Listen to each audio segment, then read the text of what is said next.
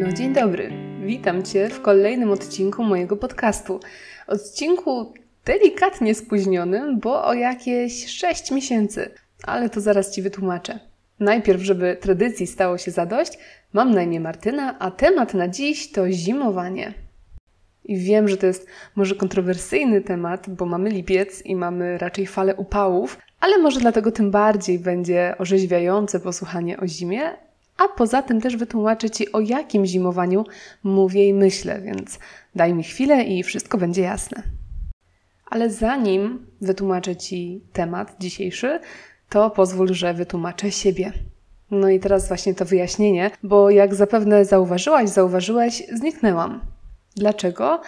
Otóż jeden z moich celów na ten rok postanowił się zrealizować od sztycha, dosłownie, i to nawet jeszcze w grudniu. I właściwie już w Sylwestra okazało się, że jestem w ciąży. I o wow, jakże nowym i zaskakującym doświadczeniem był dla mnie pierwszy trymestr. Prawdopodobnie, jeśli słuchasz mnie nie od dziś, to wiesz, że ja lubię działać. I lubię działać szybko. I zresztą ja w ogóle lubię wszystko robić szybko. Mówić, jeść, chodzić itd. Tak I ogólnie naturalnym stanem dla mnie jest wykorzystywanie czasu. Czy to na pracę, czy naukę, czy tworzenie czegokolwiek. Czy zawodowo, czy nawet dla przyjemności. I choć końcówka zeszłego roku była dla mnie takim trochę czasem odpoczynku, po bardzo intensywnych kilku miesiącach, kiedy się przeprowadzaliśmy przez pół Polski we wrześniu i organizowaliśmy nasz ślub, to jednak w głowie miałam cały czas taką myśl, że spoko, teraz odpoczywam, ale od stycznia ruszam bardzo intensywnie.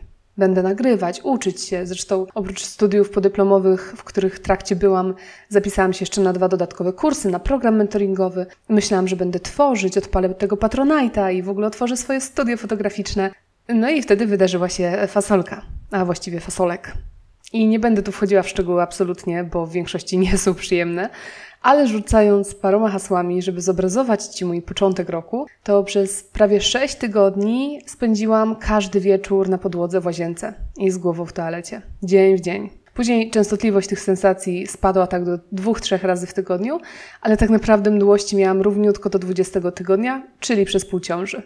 Do tego zaliczyłam solidny nerwoból międzyżebrowy, czego nie polecam w momencie, kiedy się spędza wieczory z głową w toalecie. Zagrożenie ospą, a więc walentynki spędzałam w szpitalu pod kroplówkami.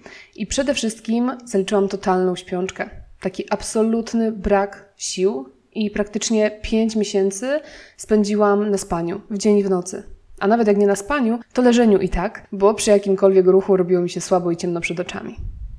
Żeby jeszcze to lepiej może zobrazować, to były to dni nie, że sobie leżałam na kanapie i oglądałam House'a albo jakiś inny serial. To były dni, kiedy nawet za bardzo nie mogłam przeglądać Instagrama albo czegokolwiek na telefonie, bo jak mi um, obrazki i, i, tam jakieś wideo latały przed oczami, to mi już od tego było niedobrze. Więc to było po prostu leżenie i patrzenie w ścianę, bo to był maks, jaki byłam w stanie zrobić. No ogólnie było ostro. I było zupełnie nie tak, jak sobie zaplanowałam i jak też myślałam, że będzie. A kiedy wreszcie te dolegliwości względnie ustąpiły i zaczęłam jakoś funkcjonować jeść i nawet czasami nieśmiało wychodzić z domu, to na początku czerwca, czyli na początku już siódmego miesiąca ciąży, wzięliśmy się za kolejną przeprowadzkę. Tym razem z domu mojej mamy, który był naszym takim dziewięciomiesięcznym przystankiem po powrocie z Warszawy, do mieszkania należącego do mojego taty, w którym zamierzamy się przebunkrować z 3-4 lata, zanim się dziś w końcu nie wybudujemy i nie osiądziemy na stałe. Po czym drugą połowę czerwca spędziłam jeszcze pisząc miliard prac zaliczeniowych i kończąc studia podyplomowe. No i tak ten czas zleciał. I przyznam, że o ile do końca marca mniej więcej, czy połowy kwietnia nawet, w ogóle nie myślałam o podcaście, sorry, ale wtedy w ogóle nie myślałam o niczym innym poza przetrwaniem. Tak od już tego kwietnia właściwie myślałam o moim podcaście dość często. I chciałam nagrywać, wierz mi, i nie potrafiłam. I pisałam odcinki, ale nie byłam w stanie zmusić się do ich nagrania. I źle mi z tym było i czułam, że zawodzę siebie, ciebie, w ogóle wszystkich, którzy słuchają i że w ogóle jestem chodzącą porażką, bo tak się nie potrafię zebrać w sobie. I wtedy, czyli w sumie ostatnio, przeczytałam naprawdę cudowną książkę Zimowanie Katrin May. No i teraz w końcu parę słów o temacie dzisiejszym. Kiedy odpalałam tą książkę na czytniku, myślałam, że to będzie jakiś poradnik wypełniony konkretami, jakieś ćwiczenia rozwojowe, cokolwiek w tym stylu.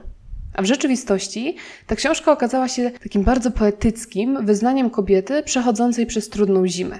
I tą dosłowną, bo akurat u niej to jest okres od jesieni po wiosnę, ale też taką metaforyczną. Bo to, co muszę tutaj wyjaśnić, to że to tytułowe zimowanie, według autorki, wcale nie musi być powiązane z porą roku. Wręcz bardzo często nie jest. To metaforyczne zimowanie to czas w naszym życiu, kiedy dzieje się coś takiego, że potrzebujemy się wycofać, zamknąć w domu, odsunąć od ludzi, zaopiekować się sobą. I to może być zima, zima, ale to może być też choroba, trudniejszy psychicznie okres, czy właśnie na przykład ciąża albo pojawienie się w domu noworodka. To są wszystkie te momenty, kiedy czujemy, że musimy zwrócić się do wewnątrz i zadbać przede wszystkim o siebie. I to, że one przychodzą, jest tak samo naturalne jak przyjście zimy po złotej jesieni. Bo widzisz, autorka tak pisze i ja myślę, że tak rzeczywiście jest, że nasze życie nie przebiega linearnie. Że to nie jest jakaś taka, nawet jeżeli nie linia prosta, to jakaś taka krzywa, że raz do góry, raz do dołu, ale cały czas sobie leci do przodu. Że na przykład z czasów kryzysu idziemy ku górze, później może troszkę w dół, ale znów ku górze i tak dalej. Tylko właśnie to nasze życie przebiega cyklicznie. Stale i stale fundując nam na zmianę momenty ekspansji intensywnego działania, jak i momenty wyciszenia i hibernacji. Tak działa cała natura, tak działają rośliny, zwierzęta i tak działamy my. I ja myśląc o, tym, o tej myśli właśnie, że, że to nasze życie jest takie cykliczne, zaczęłam sobie je wyobrażać jako taką jakby sprężynę, ale bardzo mocno rozciągniętą. To znaczy, że ta linia sobie leci, znosi się ku górze, ale później troszeczkę się cofa i robi pętelkę. I spada w dół. I później znowu, i znowu, i znowu. I te pętelki są rozciągnięte. Czasami one są gęściej usytuowane, czasami trochę rzadziej, ale one cały czas się pojawiają. I tak sobie to wyobrażam, że to jest taki moment, kiedy najpierw mamy tą zimę, kiedy potrzebujemy się zająć sobą, ale później wchodzimy w wiosnę, tak samo jak natura, tak samo jak przyroda, jak wszystko wokół nas. I kiedy wchodzimy w tą wiosnę, to jest właśnie czas działania, to jest czas ekspansji, to jest czas mocy, czas budzenia się do życia. I ten czas sobie ileś tam trwa, później jest lato, później jest pik naszych możliwości, ale później znowu przychodzi metaforyczna jesień w naszym życiu, kiedy trochę się zaczynamy wycofywać, bo już jesteśmy przebodźcowani, bo mamy za dużo wszystkiego i znowu wpadamy w tą zimę. I potrzebujemy wtedy zrobić czasem nawet krok do tyłu, po to, żeby się wycofać, żeby się uspokoić, żeby się wyciszyć, żeby się zająć sobą i przygotować do kolejnej wiosny, czyli do kolejnego etapu ekspansji.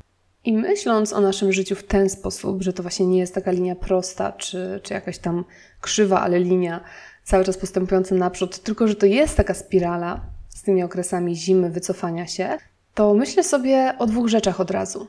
Po pierwsze, wydaje mi się, że to, jak długo mamy wiosnę i jak długo mamy siłę działać, jest trochę wynikiem tego, jak przeżyjemy tą naszą zimę i czy faktycznie wykorzystamy ten czas tak zwanej hibernacji na to, żeby naprawdę o siebie zadbać i naprawdę się sobie przyjrzeć i naprawdę sobie poukładać pewne rzeczy.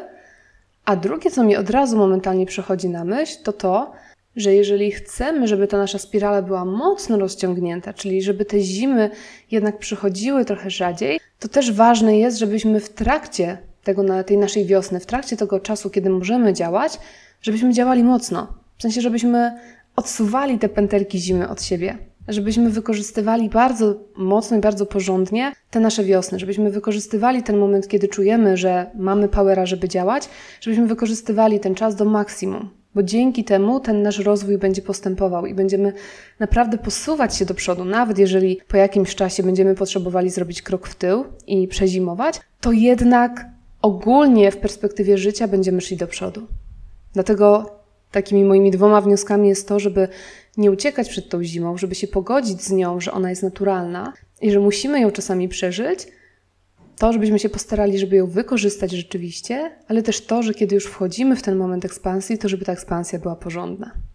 No i teraz wracając jeszcze do książki Katrin May, bo to jest dość ciekawe i chciałam Ci o tym powiedzieć, że ta książka jest bardzo nietypowo napisana. To tak uprzedzając, jeżeli postanowiłbyś czy postanowiłabyś po nią sięgnąć. Bo autorka trochę skacze po sytuacjach ze swojego życia, łapie różne wątki, ale też pisze rozdziały, no właśnie bardzo nietypowe, nie, nie ma lepszego słowa. Pisze na przykład rozdział o pływaniu w lodowatej wodzie, albo rozdział o wilkach, albo rozdział o zorzy polarnej.